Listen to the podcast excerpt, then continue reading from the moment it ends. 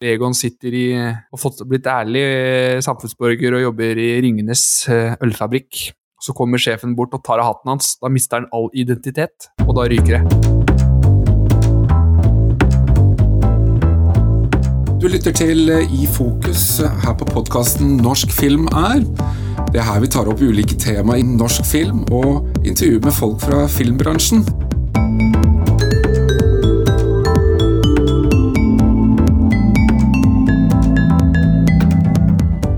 Dagens tema er vel nærmest en institusjon å regne, altså Olsenbanden. Bak disse dystre murer er norgeshistoriens største kupp blitt planlagt.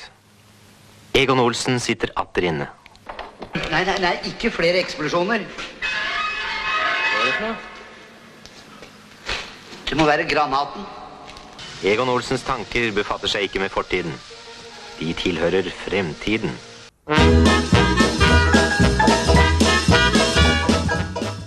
Olsenbanden strekker seg over en periode på over 40 år, og du har helt sikkert fått det med deg på en eller annen måte.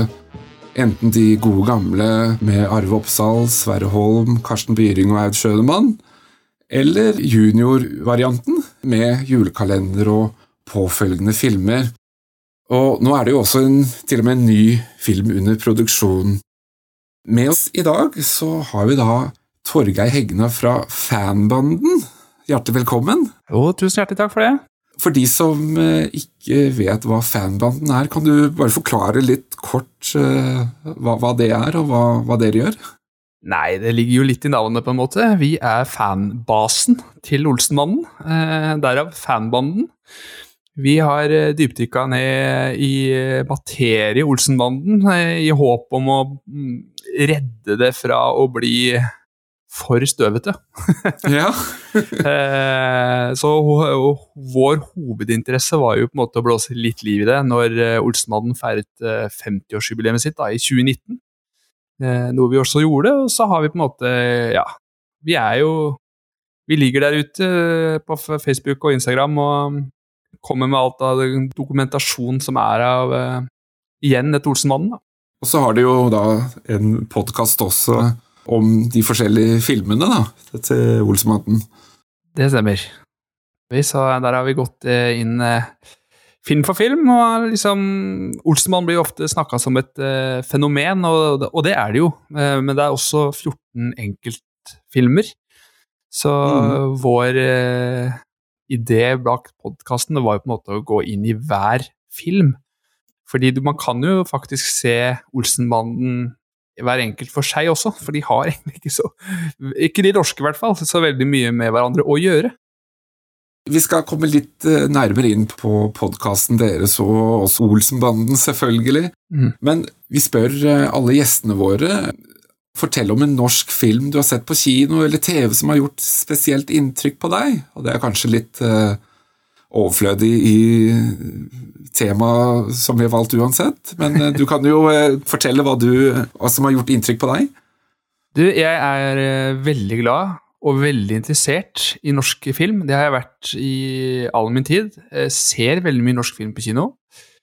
Men hvis jeg skal liksom trekke Altså, jeg har jo sett veldig mye bra, da.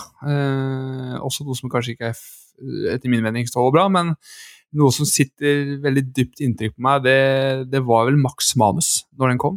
Ja, Eh, for det er faktisk den eneste filmen jeg har sett to ganger på kino. Fordi jeg syns den var så bra at den måtte jeg se en gang til. eh, og fikk litt sånn eh, hype. Jeg vet ikke Altså, det var vel liksom starten på norsk eh, Litt den norsk filmbransje vi kjenner i dag, hvor vi liksom er litt inne i Hollywood-modellen. Altså, vi, vi, vi turte å lage storfilm. Det fantes noen filmer før det òg, men Max Manus ble liksom Wow, dette her Dette er norskt, og dette, dette er bra, liksom. Dette Det var jo til og med regnet som den dyreste norske produksjonen på den tiden, i hvert fall. Ja, det var det.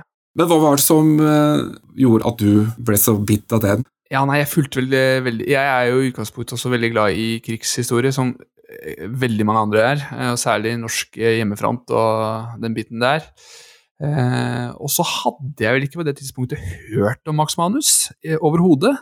Hvem er dette for en fyr? Men altså Når du så den casten som de hadde, av eh, Aksel Hennie og De var jo De er fortsatt De er jo enda større nå, kanskje, men de var jo veldig på topp den gangen også. Mm. Eh, så fulgte jeg med omtrent ifra eh, jeg hørte at de hadde fått tilskudd, altså. Og det er litt sånn jeg holder på, da. Jeg, jeg leser veldig mye om Går inn på NFI, leser hvilke filmer som får hvilke prosjekter som får støtte og sånn, og så følger jeg de hele veien. Og så gleder jeg meg til å se resultatet på kino. Det er mange ganger det ikke blir noe også. så det er Ja. en sånn liten lotto. så nei, men eh, Max Manus, nei, det, var, det, er, det er vel krigshistorien. Um, og så klarte de å gjøre det på en såpass eh, fin Den er en veldig fin historie. Jeg syns den hadde liksom alt, da.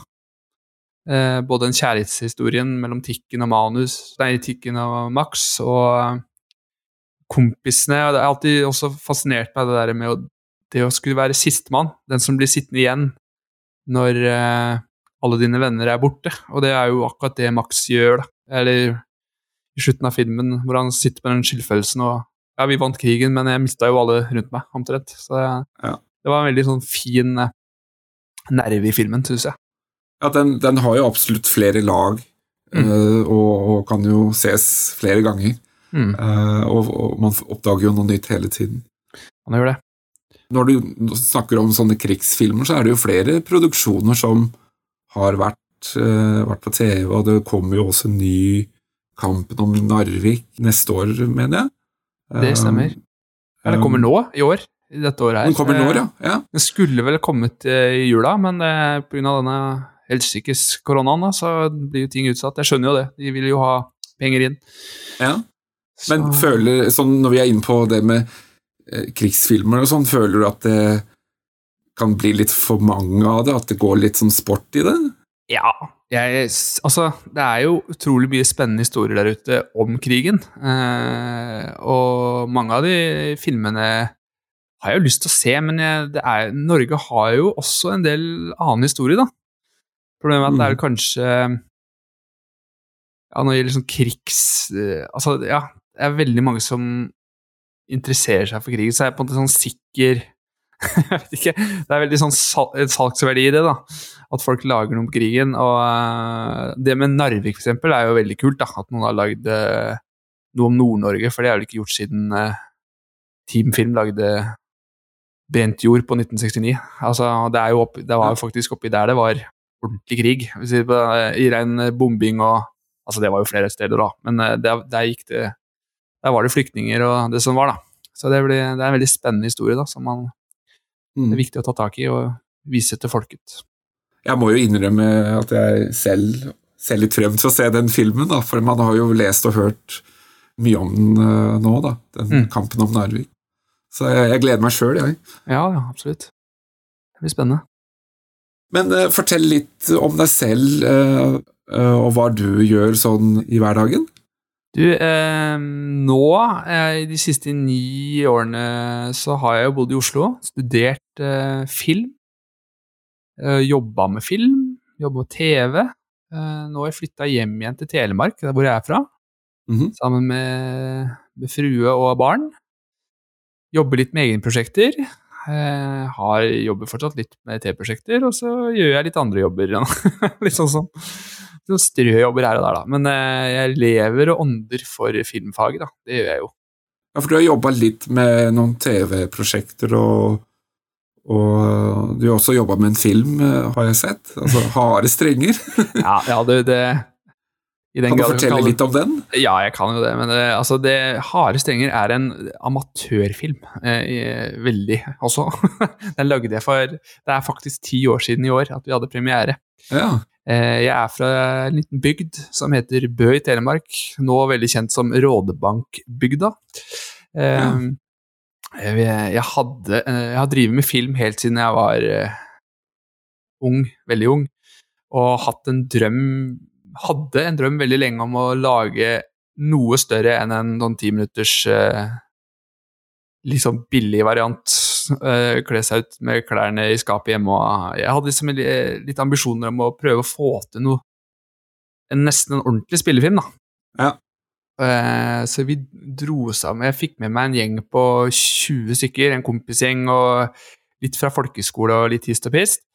Og så lagde vi den uh, på ti dager. Uh, vi fikk litt uh, penger fra kommune og eh, sparebank og det som var, og litt fra Frifond var det vel, kanskje.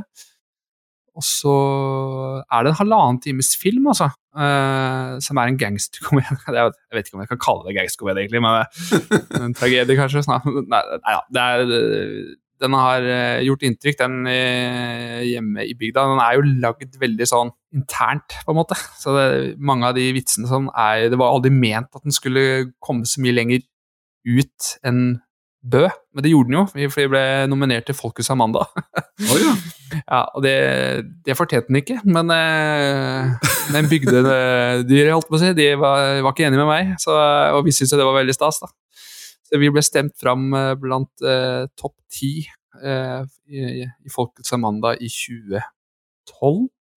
Så danka vi ut alle Varg Veum-filmene og litt av hvert. Og året etter så hadde de endra regler. Da var det Da var det Da måtte filmen ha minst eh, 50 000 publikummere på kino. Noe i- absolutt ikke vi hadde. Ja, ja, ja. Så de skjønte, klødde seg veldig i huet på hvem, hva, hva i helsike er dette for en film. Men eh, vi gjennomførte, vi, og det var veldig gøy. da, og den er jo, Apropos med Olsenmannen, så er den jo det er jo nesten en slags hyllest til Olsenmannen fra mitt hjerte. da. Hvor jeg lager min egen Olsenmann-historie. De heter ikke Egon, Benny og Kjell, men altså det er, det er kupp. Eh, Ja, ja. Og, og det er liksom de snille gutta som trenger penger for å klare seg, liksom. Så, ja så den, den er litt inspirert av Olsenbanden? ja, ja, enkelte scener er jo omtrent kopi. Vi har biljakter, og vi, har, vi sitter jo og skåler og planlegger planer. altså, det er jo Ja. Hadde Ja, det er en hyllestfilm av en eh, naiv 19-åring som lagde den for ti år siden, så eh, Det er ikke super det er ikke supert håndverk, det kan jeg ikke si, men uh, den er lagd med masse passion.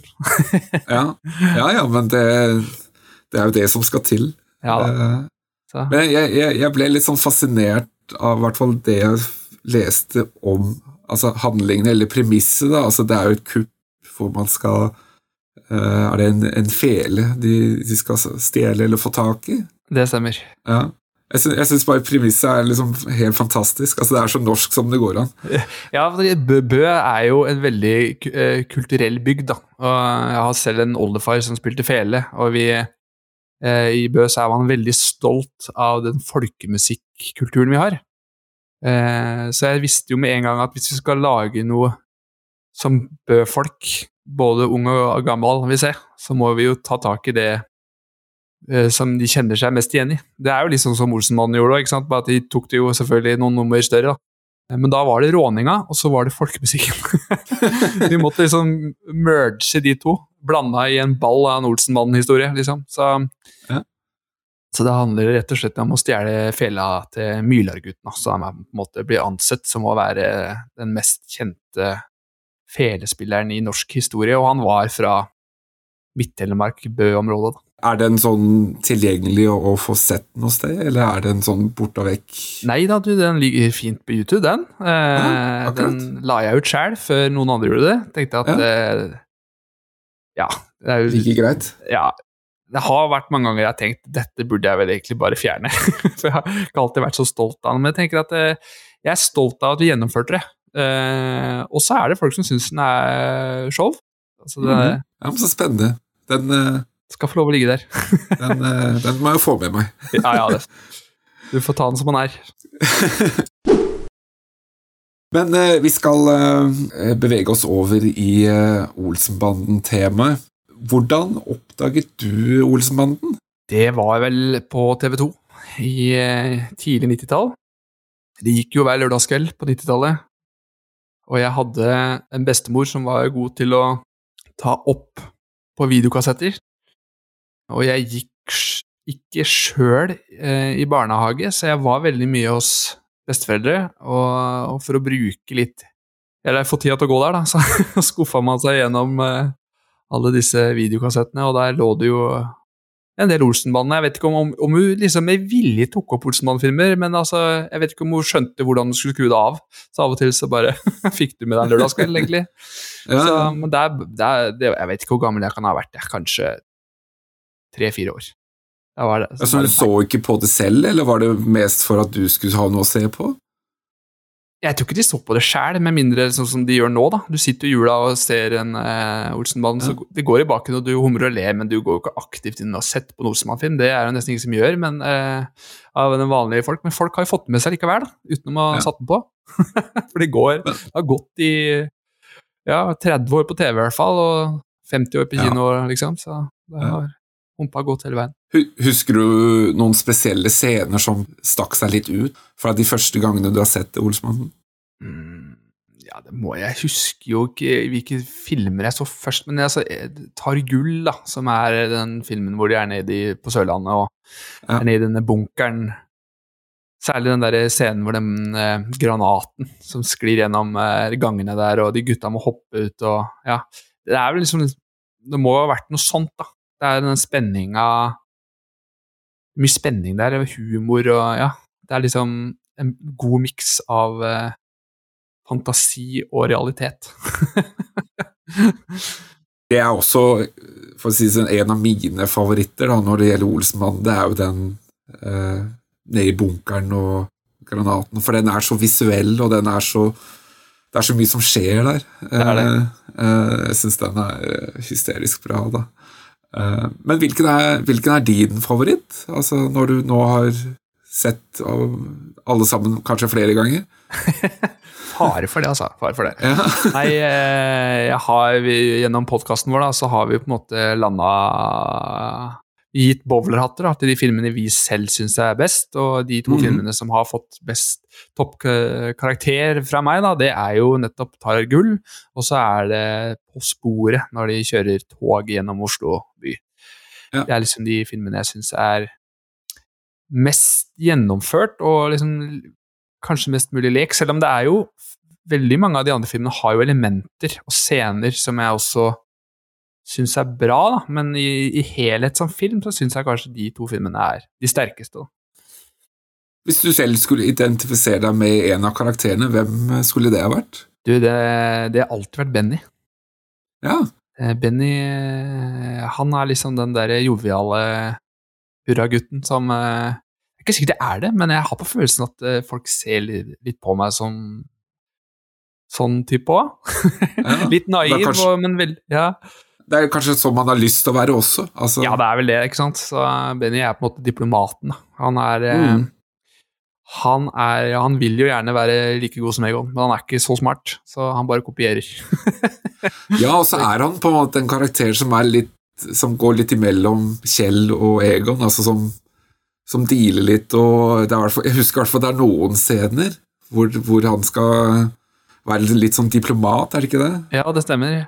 Og det, det snakka vi om også i podkasten, at det, Benny har egentlig en veldig sånn flat struktur gjennom filmserien. da, fordi Egon er jo han som bringer opp ideene, og han har liksom Han har stoltheten sin han må ta vare på, mens eh, det det går utover, det er Kjells i, ja, Og Kjells og Valborgs uh, hjem, da, og liksom alt det de skal ha penger til, det er jo de som styrer. Så Benny han er liksom bare med på lasset, han. Han er liksom nissen på lasset hele tida. Så han er litt sånn, egentlig i utgangspunktet en flat, eh, veldig flat karakter, men han trengs. Det er han som er med på alt, liksom. Han er med på alt, så, eh, så han er på en måte den røde klovnen, da, som de sier. Så Ja. de to andre er litt Han ene strenge og den andre redde. Så ja. Ja. Uh, hva er det som er med Olsemannen som fenger deg? Jeg tror det er det originale ved det. Altså, altså det er jo A, det er jo I utgangspunktet ser det ut som tre middelaldrende menn som egentlig burde hatt seg en jobb på bryggeriet eller et eller annet sånt, Mm. men som ikke har fått det, og som gjør alt de kan for å eh, leve som alle andre, og kanskje litt mer, da, med litt eh, millionærdrømmer som egentlig alle har en gang iblant. Mm. Og så bruker de fantasien sin på å få tak i alt dette her. Altså, de bruker ting de har hjemme. Altså gummihansker og kanskje ikke stetoskop, men de har talkum, og man har liksom mye av det Egon trenger i planene sine, det, det har man jo i, i boden, liksom. Og eh, de gjør det jo veldig lekent. Altså, det var jo voksne for, meg, da, som ung, ung, så var det jo gamle menn, egentlig, som lekte. Uh, og så er de snille. De, de, gjør jo aldri ting for å være slemme. De stjeler jo oftest fra de slemme skurkene. Det ble jo i hvert fall sånn etter hvert da, i serien. Ja, det har jeg ofte tenkt litt på når jeg har sett serien, at det er jo ikke noe ondt i dem på den måten. Overhodet ikke. Uh, ja, det, det, det, er kanskje noen scener hvor det er litt sånn på grensen at uh, men, men, men, de er jo, ja, som du sier, snille og, og vil jo egentlig bare overleve. de vil jo bare overleve, og, eh, og, der er jo liksom Kjell en fin karakter, da, for han er jo, mm, ja. han er jo den, den, vanlige mannen liksom, i gjengen. Han, han, drømmer jo om det å kunne få jobbe, men han fikk aldri, han, han fikk aldri jobben. Liksom, Han får de jobbene, så han må bare ufrivillig være kriminell, da, på en eller annen måte. så er det noe fint ved det, da. Og så er det selvfølgelig skuespillerne, da, som er Det er noe eget med, med den generasjonen der. Jeg vet, jeg vet ikke hvorfor, men altså, det er kanskje fordi de var først ute i TV når TV kom, og, sånn, og for så vidt kinofilmer også, så, så, var de der først. Og de var der så veldig lenge. Så, for som ser Arve Oppsal, da, som begynte liksom karrieren sin under krigen. Og han spiller jo mot i brøstet og tusenårsfesten. Altså, han strekker seg så vanvittig langt ut, da. Og så er den også bredt også. Altså, han, han, han, gjør så mye forskjellig også. Ja, han gjør det. Så, og det gjaldt jo flere av de. altså Alle de der eh, folka som er med i Olsenmann, er jo de er jo store ikke bare fordi de var med i Olsenmann, de var jo store utenom òg. Hvorfor tror du Olsenmann er så viktig for norsk filmhistorie, eller filmindustri? Ja, det har blitt det, da. ja. ja altså det, på den måten at eh, Det har alltid vært viktig for folket og publikum, men eh, bransjen har jo egentlig aldri hatt så veldig mye til overs for Olsenmannen før nå i senere tid. Nå har det jo liksom fått kultklassikerstempelet. Eh, men når de kom, så ble det jo slakta som bare det. Ja, ble alle filmene sånn mer ja. eller mindre slakta? Stort sett. Eh, det var jo selvfølgelig enkelte anmeldere som ikke kom fra Oslo, selvfølgelig, da. litt mer bygdeavisene. De, de hadde litt mer kjærlighet for disse gutta, da. Eh, så vi var ikke fullt så strenge. Men det var nok sett på som litt sånn lavkomikk, tror jeg. Det ble for flåsete for folk, iallfall. De store gutta. Men men de vant jo. De vant ja. jo folket. Ja, ja. Og, og, det ser du jo i dag òg. Altså, hvilke filmer er det som går fortsatt på TV, og som fortsatt gis ut på Blu-ray og ja, gud veit. Så er det Olsmannen. Det er liksom Det er noe med med fenomenet som, eh, som fester seg i folk. Og jeg har jo Særlig i fanbanden-prosjektet, da, så har jeg dypdykka meg veldig inn i de danske, men også i det svenske. Ja. Og det som slår meg, er at uh, det er jo like stort i alle tre land. Det er like Altså, Danmark er kanskje aller størst, da. Der er det jo på en måte Der er det jo konger, liksom. Der, de, de har jo statuer og alt. Uh, jeg vet til og med altså, Når vi snakker om de danske, da, de er jo superpopulære i Tyskland, vet jeg. Ja, Øst-Tyskland var det, tror jeg. For at, Øst, ja, stemmer. Mm. Det var mm. før de ble samla igjen. Det, var jo, de var, det handler jo om at de var jo så undertrykte. Ja. Og det er jo det Olsenmannen er òg, i i og for seg. De er jo under eh, de store hvitsnippene. Ja, ikke sant. Og så er det liksom den derre lille mannen i samfunnet som uh, kjemper litt mot det store, store stygge samfunnet, det tenker jeg også, som appellerer, tror jeg. Litt. Det er, det er akkurat det det gjør. Så, og det ser man i skandinavisk sammenheng, da, så har det det Altså, på alle, alle tre land, da, så har det liksom Svensker føler at sin Hva heter det, Jönssonligaen der, da, er liksom så erkesvenskt ja. Mens Norge føler at det er så erkenorskt, og Danmark føler at sin Altså det er et eller annet veldig ja. spennende der, da, som eh, de som skrev Olsenmannen i sin tid, de, de har truffet noe mm. Noe som treffer folk både da, men også nå, da. Det er jo reboots og remakes i bøtter og spann i alle land, så det Du var litt innom den svenske Olsenmannen, eller Jønsson-ligaen. Mm. Eh, den er jo veldig annerledes, eh, den norske og det danske, som for øvrig er, er ganske like, da. Hvorfor er den så annerledes? Jeg vet at uh, den første det, svenske filmen den kom i 1981. Det var da siste danske filmen kom, da, før de lagde denne siste stikk, de også. Og der uh, var Jøsta Ekman, da, som spilte Sveriges Egon. Han het jo ikke Egon, han ville lage sin helt egen karakter. Han ville snu litt om på rollene. Og tydeligvis fikk lov til det, da. Så, så han tok jo liksom en slags miks av Kjell. Altså, han var liksom sånn Han var smart, men han så ut som en dust. mens, mens Egon Olsen har jo mer stil. Han eh, kjører jo liksom det Al Capone-uttrykket sitt og eh, går med hatt, stripete dress og er litt sånn gangster, på en måte. En uh, veldig naiv og jovial gangster, men uh, han har litt mer klasse over seg, da.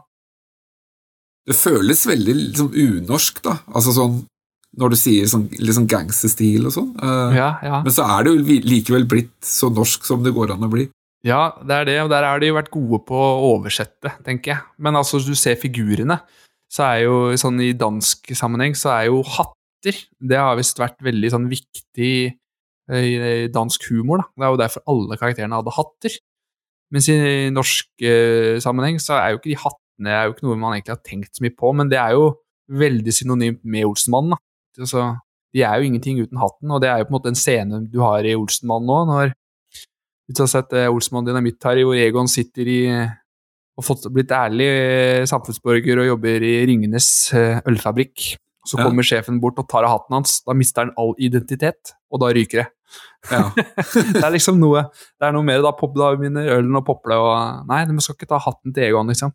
Det er interessant at du sier akkurat det med hatter, fordi altså selv når du bare ser silhuetten av uh, figurene, altså, så er jo hatten Bowlerhatten er jo der, ikke sant? Mm. Og, og, og, du ser jo med en gang hvem det er, ikke sant? Ja, det er jo det. Så det er jo på en måte, det er jo tre stumfilmkarakterer som er satt inn i en, en film med lyd og bilde.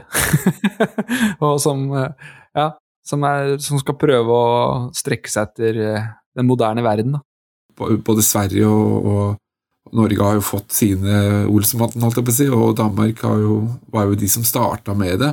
Mm. Har Olsenbanden eh, beveget seg utover eh, til andre land? Enten historier eller filmer eller Nei, jeg tror faktisk det er et veldig skandinavisk eh, Skandinavisk greie. Altså, det, som du sier, da, så, så funka det jo veldig bra i Øst-Tyskland, og, og, har jo vært omtrent like store der som i Danmark, egentlig. Og så vet jeg at den første norske filmen, altså Operasjon Ego, det ble dubba på fransk, men det, det, tror jeg gikk ganske ræva. Ja. vi, vi, har aldri hørt eller funnet noe mer ut av det til og med Knut Bovim ble jo overraska når vi fortalte det. Han huska ikke det engang, men uh, han skulle gjerne ha sett den, sa han. Men, uh, ja, det skulle jeg også. det hadde vært rart, så det funka ikke der. Det er nok litt annen komikk. Konseptet med Olsenbanden, altså den humoren kunne jeg godt sett at hadde fungert ja. i Frankrike. altså. Ja, det kunne de sikkert gjort òg, så uh, Franskmennene skal jo helst de skal, de skal helst komme opp med alt sjæl. Ja, ja, Lage remakes der, så Men kan du si noe om eh, hvordan Olsenbanden har påvirket eh, altså industrien i Norge sånn i ettertid? Altså på andre filmer? Det, har man sett noe spor av det? Ja, man har jo sett spor av det i, eh, i hvert fall nå i nyere tid, da. Kanskje mer. For eksempel Burning-filmene, da. Som er liksom Du kan begynne å tillate deg å lage en serie hvor historien på en måte er helt identisk fra forrige film, bare at de, du putter det i et litt nytt miljø, med litt nye replikker. Og de får fortsatt tilhengerne sine, på en måte. Og så har jo Olsenmannen vist at det å være folkelig og lage, lage underholdning som ikke trenger å være så dypt, da, at det går an, selv om det er veldig mye dybde i Olsenmannen uten at man egentlig tenker over det. Det er veldig smart skrevet. Det er liksom ikke bare du setter ikke tre menn ut på gata med tre forskjellige hatter og, og leker. Mm. Det er faktisk en, en, nøye konstruert historie, da. Men eh, det er gjort så, så, genialt at det ser enkelt ut, og da mener jeg at hvis du klarer eh, å få til noe sånt, så har du gjort det, store. Og, og, det er jo bare et bevis på at eh, Erik Baling og Henning Bass klarte, da, i og med at det funker like spikersikkert i Norge, i Sverige og i Danmark. Dere satte jo i gang med dette fanbanden-prosjektet. Hvordan oppsto det, det å snakke om alle filmene? Vi møttes gjennom Facebook, på en måte. Eh, gjennom en side jeg lagde som utgangspunktet het Olsmann fanklubb. Men så var det jo kanskje 10 000 andre sånne grupper også ute og går som hette det samme. Og vi hadde litt lyst til å skille oss ut, og derav kalte vi oss eh, Fanbanden. Eh, og vi har jo alle tre, da. Nå er det jo meg, og så er det Johannes Slettedal og Knut Andreas Foss. Vi er fra tre forskjellige kanter av landet, på en måte. eh, og møttes ene og alene pga. Olsenbanden, da. Eh, men vi har også hatt den derre medieinteressen, da. Altså det å fortelle noe mer. Det er som ikke bare det å se på Olsenmannen. Men eh, alle tre har liksom sittet i, hver sin stue og tenkt at hvorfor er det ikke noen som har lagd noe dokumentar eller noe sånt på dette? Eh, I større grad, da. Så vi gikk jo sammen og ville lage noe ganske tidlig, og vi begynte jo med en dokumentar i samarbeid med TV 2. Og jobba med den et års tid. Vi hadde samla opp veldig mye research. Eh, Men så, sånn som det er i TV-bransjen av og til, så er det ikke alle prosjekter som går helt igjennom, og det skjedde ikke denne gangen. Så da satt vi der litt med sånn eh, nå har vi jo funnet veldig mye, og vi hadde funnet Det vi ikke fant, det var jo på en måte de bakomfilmene som vi gjerne skulle ha funnet. Som hadde gjort eh, godt kjøtt på beinet da, på en dokumentar. Men det, det fant vi ikke. Men vi fant masse bilder, og vi kom over en del lydruller. Altså, eh, altså Vi hadde lyden av ting som skjer før og etter takningen, da, men vi, vi hadde ikke bildene. Så eh, da kom eh, ideen om å kanskje få ut en bok på dette her, siden at vi hadde støva ned loft og kjellere. Og her fikk vi liksom dekt veldig mye av hvordan Olsenmann var laget. da. Og det samme var det med de lydrullene, og da passa de i to forskjellige formater. Så eh, vi fikk med oss Jon Selås, som er tidligere filmjournalist i VG. Jobba mange år. Han anmeldte den siste Olsmann-filmen, til og med. Han fikk vi med som forfatter av boka, da, for å gi den litt tyngde. Han hadde liksom sitt Han hadde levd i tida Olsenmann kom, og eh, hadde eh, blikk på det, og så kunne vi komme inn med alt relevant fakta utenom det. da. Mens podkasten ville vi lage sjæl, og da med den, den maten vi hadde, eller all den researchen vi hadde gjort, da, så hadde vi plutselig Det var liksom ikke bare å sitte og snakke om filmen, men vi visste jo på en måte veldig mye om hvordan de hadde gjort den scenen, eh, hvem som spiller der, ja, ting vi hadde lurt på i så mange år, da, som vi nå satt på svaret på, og som vi hadde lyst til å gi gi fansen videre, da. I en litt ny form, og, og, og podkast og Olsenmann var jo på en måte ikke fortalt gjennom et lydformat før. Det har jo liksom gått ifra film og TV og til og med vært tegneserier og Det med lyd, det var liksom et nytt format, og som selvfølgelig er i tida, da.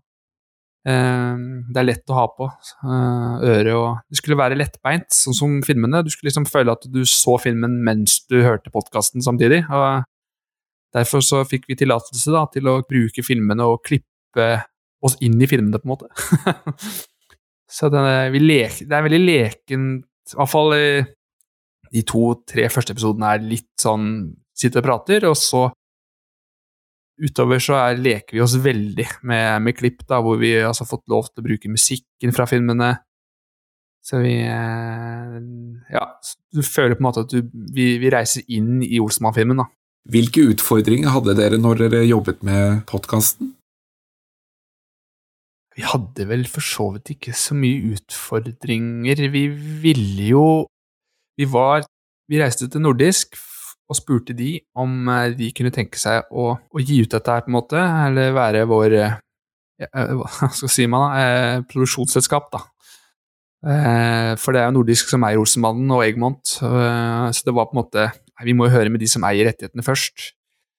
De kunne gi det ut, eh, de var litt med på det, men de ville ikke De, ville helst bare lage kanskje tre episoder om fenomenet Olsmann, og det var liksom Nei, det er ikke noe det, det er ikke det vi har lyst til. Vi har lyst til å, å fortelle liksom alt. da Vi sitter på så mye, vi får ikke fortalt det på tre episoder. Det passer ikke vårt, eh, vår idé.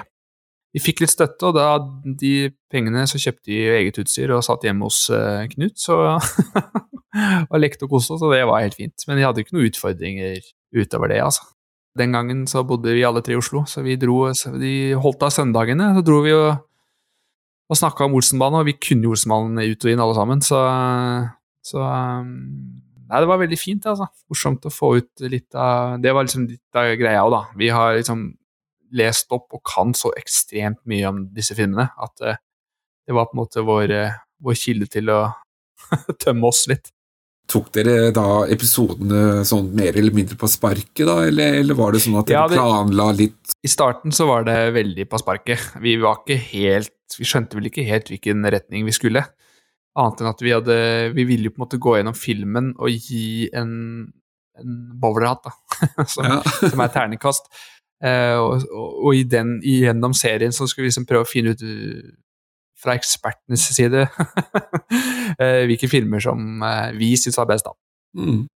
Da jeg var liten, så eh, var jo Olsenbanden naturligvis populært, og alle snakka jo om det. Men eh, det mange ikke visste, var jo at Olsenbanden, eller den gangen, da, at Olsenbanden egentlig var dansk. Når og hvordan fant du ut at eh, de norske Olsenbandene var bygget på de danske utgavene? Eh, jeg tror det kom i YouTube. Altså, når YouTube kom, så begynte man å skjønne hæ, fins det noe danske også?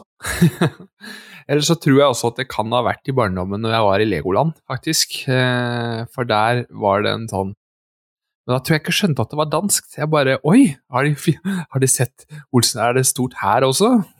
jeg trodde kanskje at det var de norske, men det, det var jo selvfølgelig ikke det. Men uh, jeg tror det har vært med, gjennom YouTube. For jeg husker at det veldig tidlig, eh, det var vel når YouTube kom, så var det noen som la ut den, eh, den scenen i, den, i en av de danske filmene hvor Arve Oppsal, Sara Holm og Karsten Byring dukker opp.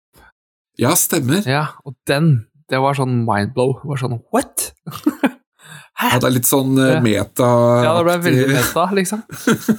Så eh, det var vel kanskje først da jeg begynte å skjønne at å ja, dette her Men da, om jeg visste at det var danskt, eller om det var danskene som hadde tatt det norske, det, det kom kanskje siden.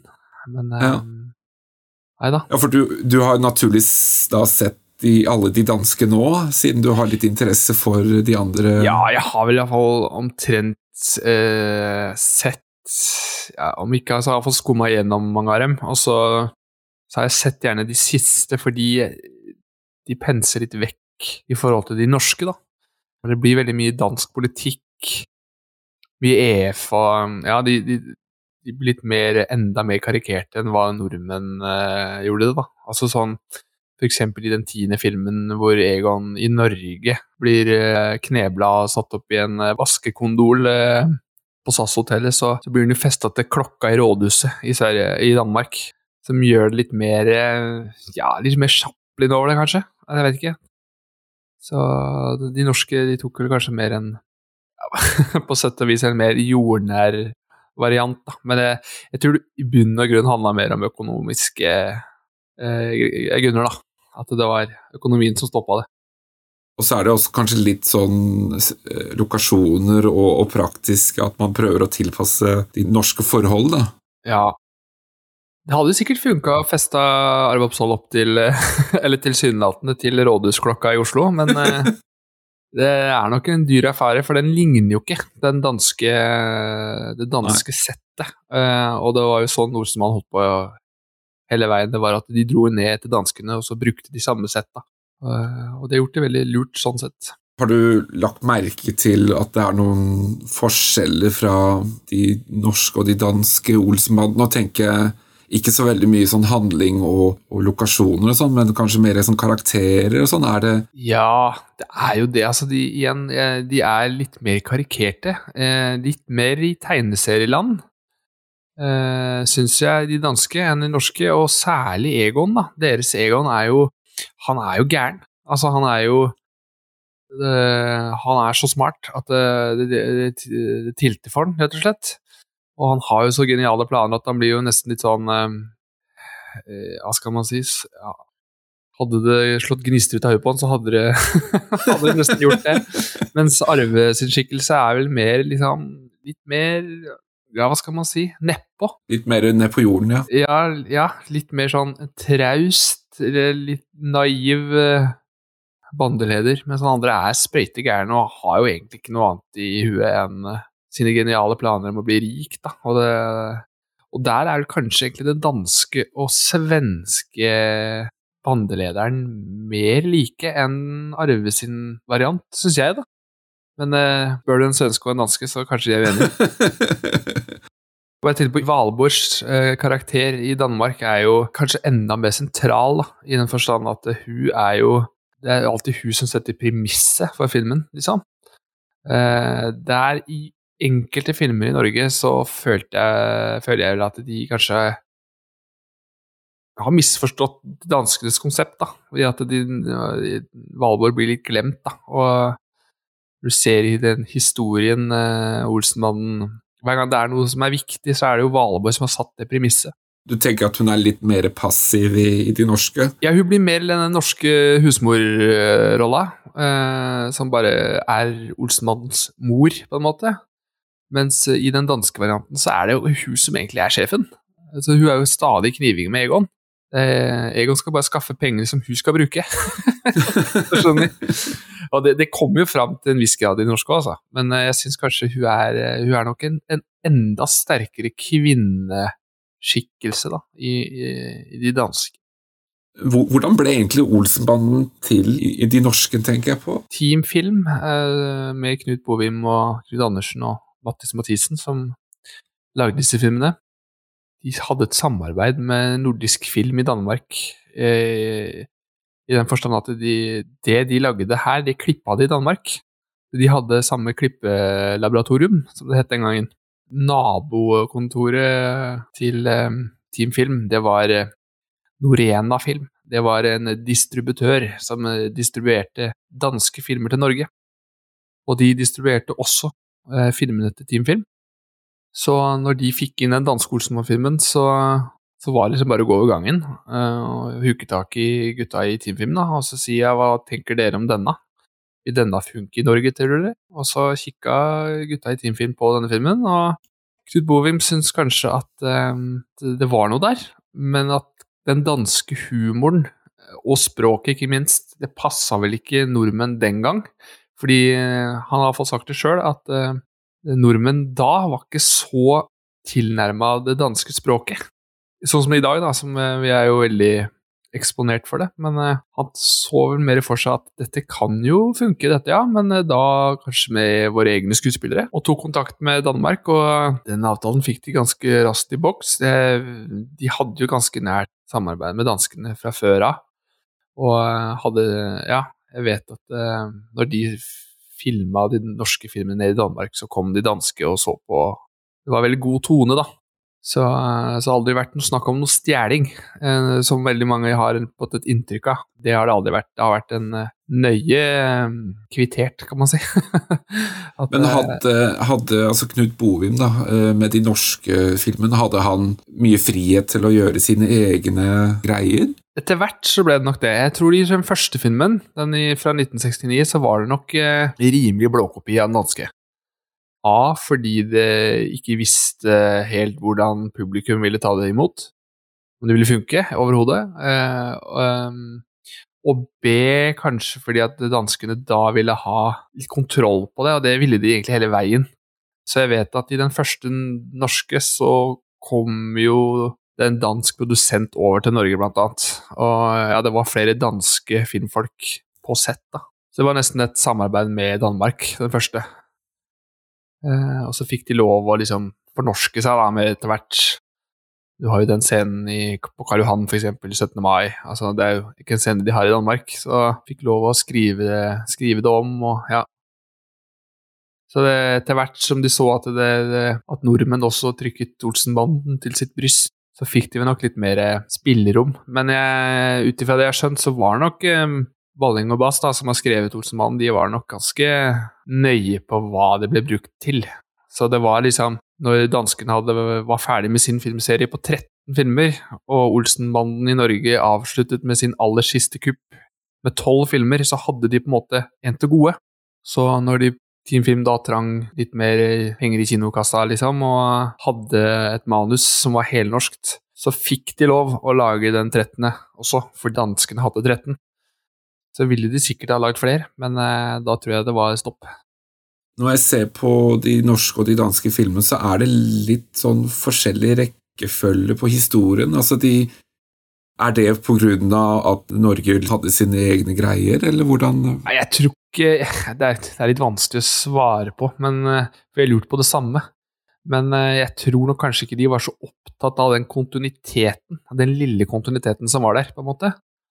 Og det var vel egentlig ikke vi andre heller, før vi så de danske og så at det faktisk hadde noe. Å ja, den slutta i, i Mallorca, og det begynner neste film i Mallorca, ja, ok.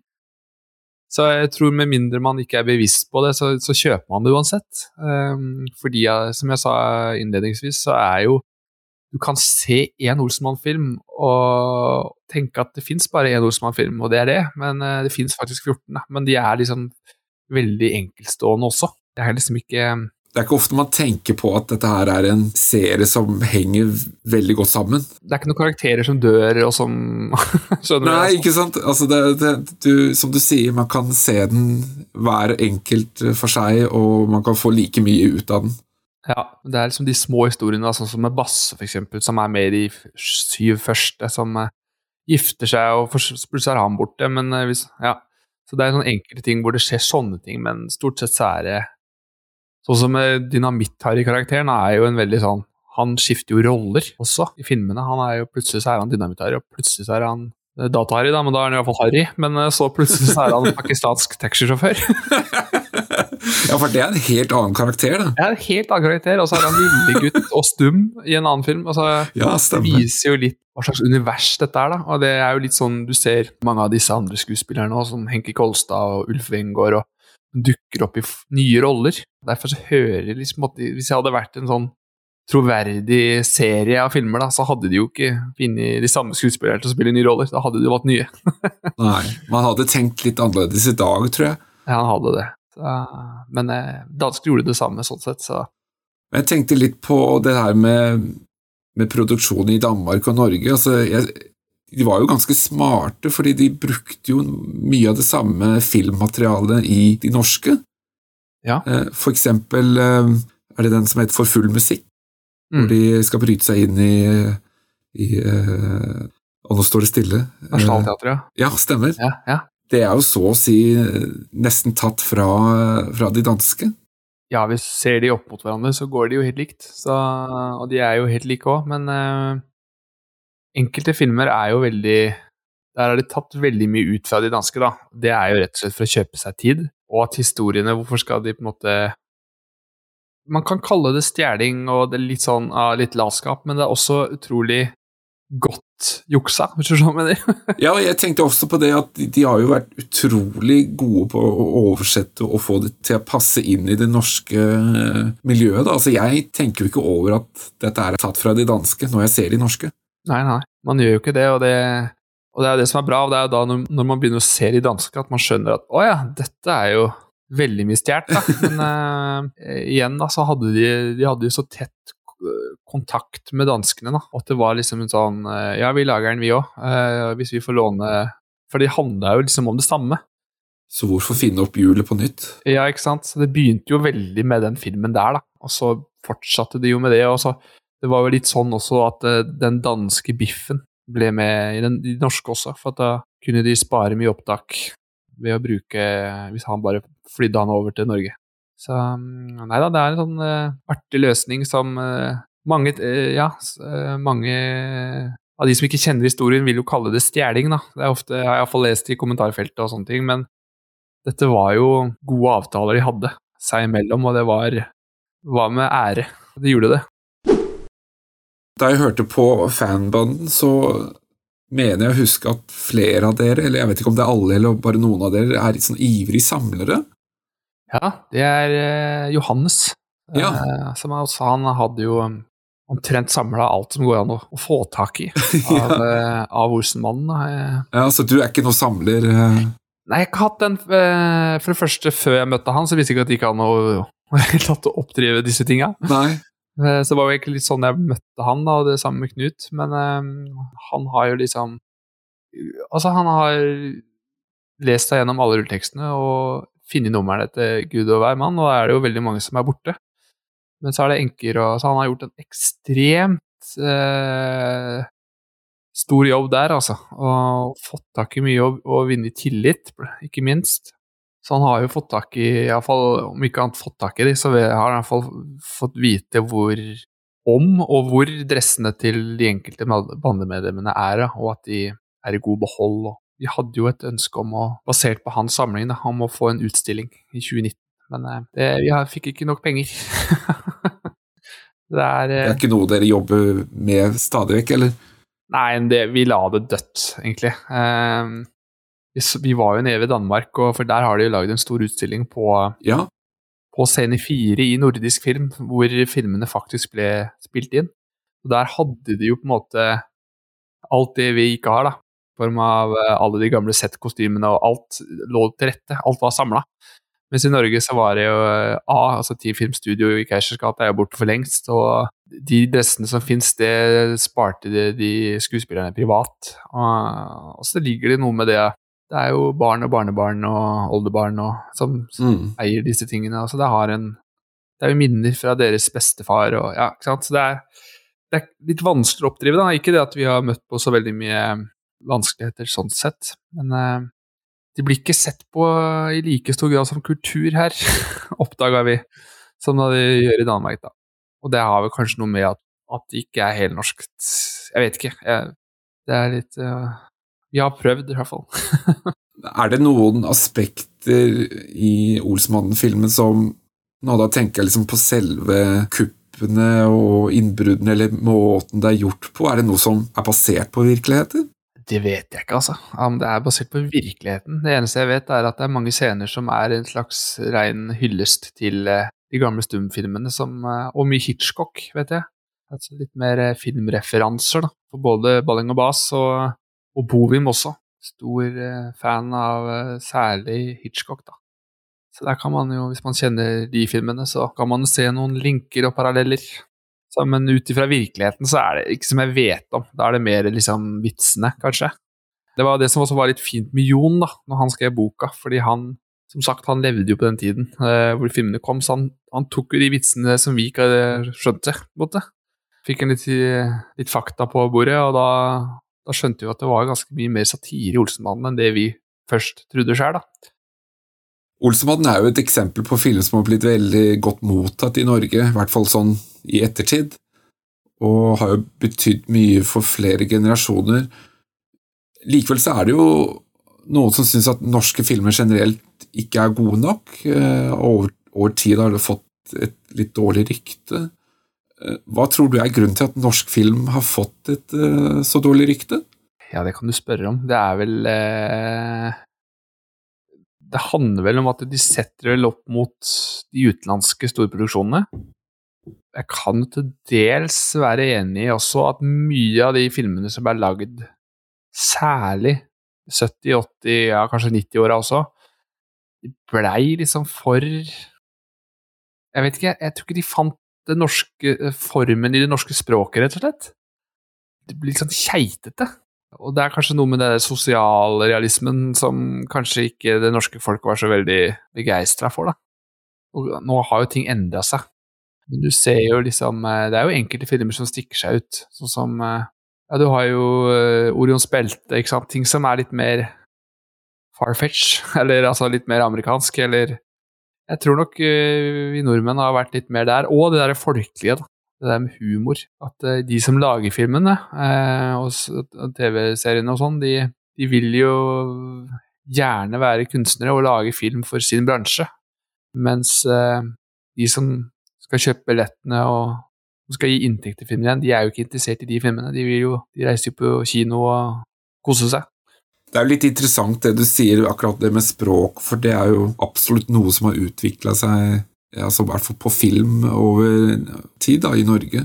Før så var det jo veldig sånn teatralsk og, ja. og sånn, og det, men det var jo liksom noe som skjedde, føler jeg, i hvert fall på tidlig 2000, kanskje, at det, det var liksom litt endring i måten man eh, snakket på, og hvordan man gjorde filmene. Absolutt, jeg er helt enig at det skjer noe der. Og så tror jeg også at det handler om hvordan man skrev film. Altså i den forstand at det, jeg tror nok mange av de som skrev norsk film før, da, hang litt Det var kanskje gjerne de samme folka som skrev teater, eller altså de, Det ble litt sånn teater over det, og det lite action. Altså Det var liksom litt for lite av show. Eh, don't tell, liksom. Det var mest Ja. bare tell. lite Ja. show.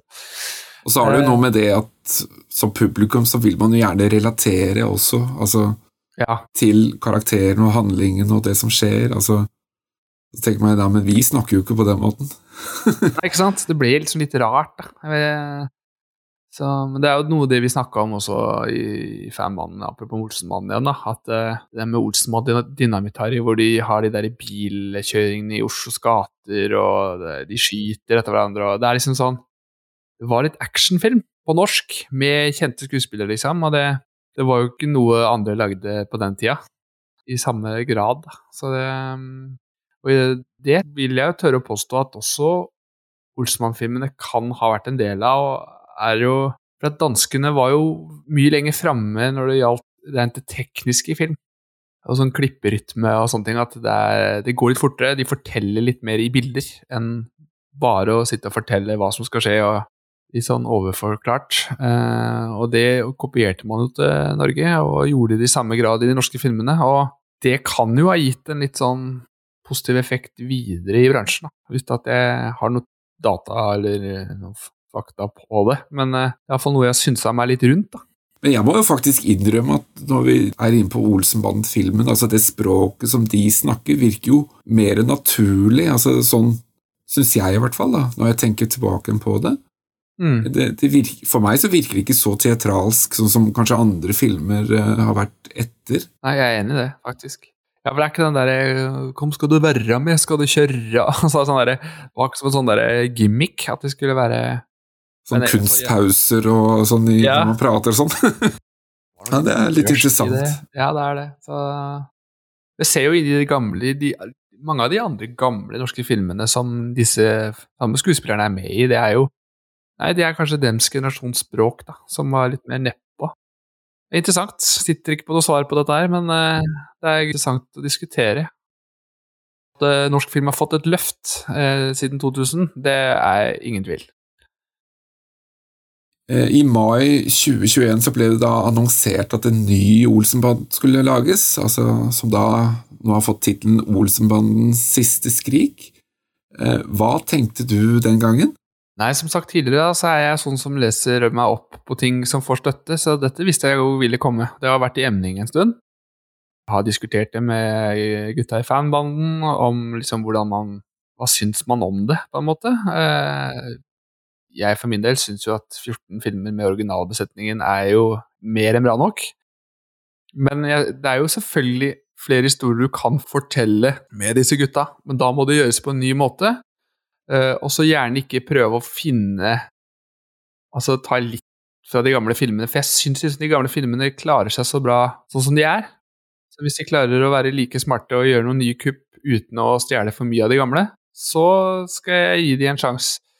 Eh, jeg syns det er kult at de prøver. Litt spent på Jeg var litt sånn Hvorfor skal de gå i samme kostymene? Selv om det er liksom det man vil. Men det, hvis de skal være satt til 2021, liksom, så Det passa på 60-tallet, men du ser jo til og med de siste Olsmann-filmene, så er det nesten rart at de går i de klærne. Jeg tenkte akkurat det samme som deg, akkurat det med kostymene, for det er litt sånn der eh, Nesten litt sånn kitsch. Altså, man tar Ja. det ut av en sammenheng, man kjenner kostymene, man setter inn en setting som ikke gir noe mening. Men jeg er positiv, og jeg, jeg syns det er gøy at noen prøver å blåse liv i det igjen, da. Ja, det er iallfall det jeg også tenker. At eh, det ble jo eh, På våre sider, da, så ble det jo Jeg så det jo rundt omkring, at det ble jo veldig mye sånn Åh, hvis du ser på den filmen her, så, så er du en sviker. Du, du er ikke ekte Olsmann-fan. Og, og noen begynte å kommentere hudfarger og Ikke sant. Eh, Jeg tenker at det, det man må holde seg for god for. Altså, man eh, kan ikke dømme folk eh, og Det skal i hvert fall ikke ha noe med hudfarger og etnisitet å gjøre. Jeg tenker Da er mer spennende på hva slags skuespillerbakgrunn vedkommende har. Men, men jeg er også spent. Jeg gir det en sjanse. Jeg er iallfall sistemann til å rope opp og si at dette blir dårlig, før man helt tatt har sett den. Jeg er helt enig. Eh, men jeg, i utgangspunktet så er jeg jo sånn generelt så syns jeg jo det blir lagd for mye remakes om dagen. Som det ikke gjelder Olsenmannen, så gjelder det iallfall særlig Disney-industrien og sånn. Jeg synes som Enkelte filmer kan du lage om igjen fordi forgjengeren kanskje ikke var så bra. Men nå lager de jo remakes av filmer som står veldig godt for seg sjøl, fra den tida de kom fra.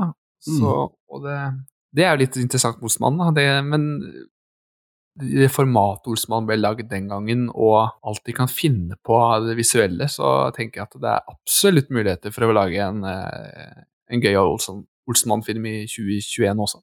Eller 2022, da, nå som vi er i nå. Ja. Det som jeg tenker på, det er jo at Olsenbanden, de gamle, de er veldig låst til Oslo-området, og de har kanskje de, eh, noen av de samme historiene som de danske har, og sånn. Likevel så har jo også Norge mye, mye å by på når det gjelder eh, lokasjoner og steder og sånn. Eh, Hvis du skulle liksom laga en, en, en Olsenbanden-film, har du liksom fundert på hva, hva det kunne vært om? Altså, hvis man skulle tatt bruk hele Norge? Ja, ikke sant. Det er jo, man har jo vært på tanken. og driver jo og sysler med film sjøl, så man har jo alltid tenkt sånn Hvis man skulle solgt inn en ny Osman-film, så hva skulle det handle om? Så har jeg jo også tenkt få de litt mer ut av gryta. Eh, Jeg, nå har norsk film blitt veldig flinke på det. Før så syns jeg det var eh, veldig mye Oslo. Mens nå, nå drar det jo rundt. Men jeg vi har jo lenge snakka om det der med å sette de på en eh, plattform. Altså, det må jo dreie seg litt om oljepenger, eller du må sende de opp i på Fløyen, eller Altså, det er jo mange Bergensbanen. Bergensbanen, ikke sant. Det er jo Det har vært mange muligheter, da. Det er kanskje ikke noe rart at den her Olsemåten går for gull er kanskje en av de mer likte filmene, fordi den gjør noe annerledes enn eh, det at de holder seg til Oslo-området. Ja, det er helt sant. Og så frir de jo veldig til eh, landsbygda gjennom den filmen. Fordi eh, det er jo hele gimmicken der. At de, de kaller jo folk utafor Oslo bondeknøler og idioter. og så er det hvem er det som går i fellene? Når de kommer dit, så er det jo Olsenmann sjæl. Det er jo bare de som Altså, bondeknølen er mye lenger frampå, da. Så det er jo Jeg vet ikke om det har en psykologisk effekt, men eh, vi ser jo det i, Dan i Danmark også, så har det samme effekt, da. Nei, jeg syns moralen og, og, og historien fungerer veldig godt akkurat i den filmen. Da. Jeg er helt enig. Det er en veldig god film, faktisk. Det er også kanskje den første filmen. Det er jo film nummer tre, og der har de jo på en måte for første gang finner de karakterene sine kanskje helt ordentlig, ja. særlig Benny og, Valborg. da. Og da er det fortsatt også såpass ferskt, for det er jo ikke noe å legge skjul på at eh, når du har spilt den samme rollen i 15 år, da, de har holdt på, selv om det var 13 filmer, så det kommer vel til et punkt hvor du ikke klarer å finne så veldig mye nytt, at det går på autopilot. Uh, og det syns jeg kanskje skinner litt igjennom i de siste filmene, da. At uh, nå lager vi en Jordsmann-film fordi vi får penger for det, og, og eh, publikum vil ha det. Mens der var de fortsatt litt unge og spreke, da, og gjør litt mer tøffe stunt. Men det er min mening, da. Jeg skal ikke si at det er sånn det er, men, eh, men det, man merker det i hvert fall veldig i energinivået til skuespillerne der, og manus også, at det er, det er, det er fortsatt litt nytt. Og de har liksom klart å finne karakterene sine og replikkene sine. Og, og som du sier, at det er, det er litt utafor gryta. Det er krigshistorie, som vi også har snakka om. At det er, det er bakt inn i veldig mye spennende da, som vi, vi folk, nordmenn liker. Vi skal snart til å runde av episoden her. Litt tilbake til eh, fanbanden. Eh, har dere noen flere planer med eller framover med podkasten eller andre prosjekter eh, på gang? Akkurat fanbanden og Olsenbanden er vi nok ganske ferdig med, tenker jeg. Vi følte at vi fikk eh, eh, fortalt den historien vi ville gjennom denne, ja, det året 2019, egentlig. da. Alt det vi gjorde da. Eh, og så er det jo mange som har spurt oss eh, om vi skal lage flere, men jeg ser ikke helt retningen. Da måtte vi i så fall gått videre på junior, eller Ja, for det er jo noen filmer der også, og så er det jo en julekalender som Men det er ikke Ja. noe dere føler eh, passer inn i konseptet, da, eller? Jo, for så vidt. Det er vel det. Men så tror jeg også at vi liksom I fare for å bli fullt og helt låst med vi, er jo som dere, ikke sant? At vi er jo egentlig også veldig glad i alle andre norske filmer. Så at eh, å bli liksom de gutta som alltid husker Olsmannen da. At, Ikke at det gjør noe å bli kontakta for å snakke om Olsmannen nå, men eh, for, vår del så var vi vel enige om at vi hadde lyst til å avslutte det med gamleserien. da, og så ja, tenkte vi at det kan godt hende at vi er veldig åpne for å finne på noe nytt. Eh, om det blir podkast eller hva det blir, det vet vi ikke ennå, men vi har iallfall eh, god, eh, holder god kontakt fortsatt, selv om vi bor i hver vår by nå. Så eh, det er ikke like lett å Vi lever våre liv og ja, driver med våre ting, så vi har fortsatt god kontakt og ringes av og til, alle tre. og Vi sitter og deler i tanker og ideer om nye ting, men det blir nok ikke så veldig mye mer Olsenmann-retta, tror jeg. Er det andre prosjekter som kan bli noe realitet ut av, eller? Nei, enn så lenge så er det veldig mye på idéblokka, tror jeg. Jeg trivdes veldig godt med å lage podkast, syns det var veldig gøy. Så syns jeg også det er veldig gøy å dykke inn i og prøve å finne hvordan skal man forklare Eller ja, fortelle historier på nye måter hele tida, da. Så, men så er det jo på en måte film og TV da, som er faget til alle tre, egentlig. Kanskje vi skulle gått videre der. Jeg vet ikke med hva. men Men da eh, har vi egentlig eh, kommet til veis ende. Har du noe som du føler at du ikke har fått nevnt, som du sitter og brenner eller sitter inne med? når det kommer en ny film nå, så, så er det viktig for folk å, å skille mellom at eh, det at det kommer en ny film, betyr ikke at det ødelegger Olsmannen, eh, fordi de gamle er der fortsatt. Og så er det helt opp til hver enkelt å velge å se den nye filmen. Og så kan de synes den er bra eller dårlig. Jeg tenker ikke at det skal definere deg som noe dårligere eller bedre Olsenmann-fan. For jeg tenker at Olsenmann har lagd i så mange forskjellige typer varianter. Både junior og i danske språk og svenske språk. Og det at det kommer en ny remake av Olsenmannen, det, det er ikke første gang, for å si det sånn. det er faktisk, Jeg regna på det at det, er, det, er, her blir åttende gangen Olsenmann blir laget på nytt. Man må bare stille seg åpen, og så tenker jeg at man tar det Det gir jo nok en gang Olsenbanen et nytt løft, da. Plutselig så begynner folk å si ja, da skal jeg se de gamle igjen. Eh, og det er jo sånn det har holdt seg i live hele veien. Først var det på kino, og så kom det på video, og så kom det på TV. Og så kom Junior, og så kom det på DVD igjen. Og så, det har hele tida vært til stede, da. I nye format. Eh, og nok en gang, nå kommer det en ny variant med nye skuespillere, og det vil kanskje blåse liv i de gamle Eller iallfall holde liv i fenomenet, da, om ikke annet. Jeg tenker jo litt at uh, man må i hvert fall se filmen, tenker jeg, før man gjør opp en mening. Ja. Det blir litt feil å, å komme med meninger og synsinger eh, om ting før man har sett filmen. Og det gjelder jo egentlig generelt for alle, alle filmer, egentlig, syns jeg. Ja, det, ja, det gjelder jo alt. Det er jo helt riktig. Og så kan de folk helt bevisst å få lov å ta valg om å ikke se det, i fare for at det skal ødelegge dems glansbilde av ting, men eh, de kan ikke sitte og eller Jeg syns det blir for dumt å sitte og, og slakte en film man ikke har sett, eller ja, i det hele tatt lese, om det er bok eller hva det er for noe. Basert på andres meninger. og sånn. Man må ta sine egne valg. og Så nei da, man må stille seg åpen. Jeg tenker eh, Det gjelder jo alt her i verden, det. Men eh, da eh, har vi egentlig kommet til slutten, og eh, jeg vil bare si tusen takk for at du kunne stille opp på episoden om Olsenbanden og en av representantene fra fanbanden. Jo da, det er bare hyggelig det. Det er moro det når folk setter fokus på norsk film. Det er jo det er ikke så mange som tar tak i det, og jeg skjønner at det er veldig mange som faktisk har et forhold til det.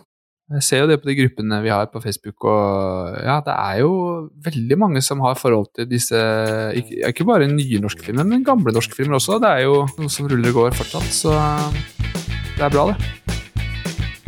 Det var siste ordet fra Torgeir Hegne fra fanbanden. Kanskje de er i gang med å planlegge et nytt kupp, hvem vet? Hva syns du om Olsenbanden? Gleder du deg til den nye Olsenbanden som kommer? Gå inn på vår Facebook-side og si hva du mener. Har du tips eller spørsmål til oss, kan du også bruke kommentarfeltet på Facebook. Podkasten finner du på alle de kjente plattformer. Spotify, Apple eller Google. Vi ønsker at vår fantastiske podkast skal nå ut til flere filmelskere der ute, så vi setter pris på om du legger inn en anmeldelse inn til oss på appen du bruker. Ikke glem å like oss og følge oss på Facebook. Da hjelper du også å spre denne podkasten til flere lyttere. Ha det bra!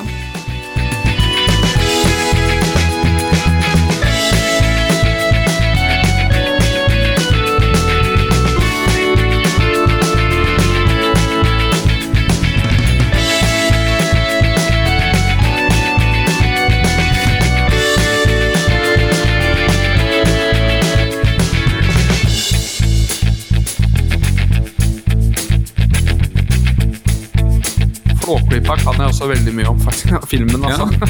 Ja, Ja, ja, oppgaver og sånn om, så det Sier du det?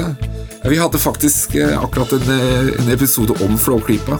Eh, altså om, Ja, ja, om, om spillet, da. Spill, ja. Ja, ja. ja, det husker jeg. Det var så gøy. Så vi, eh, vi, vi hadde jo da prat med Ravn Studio, da.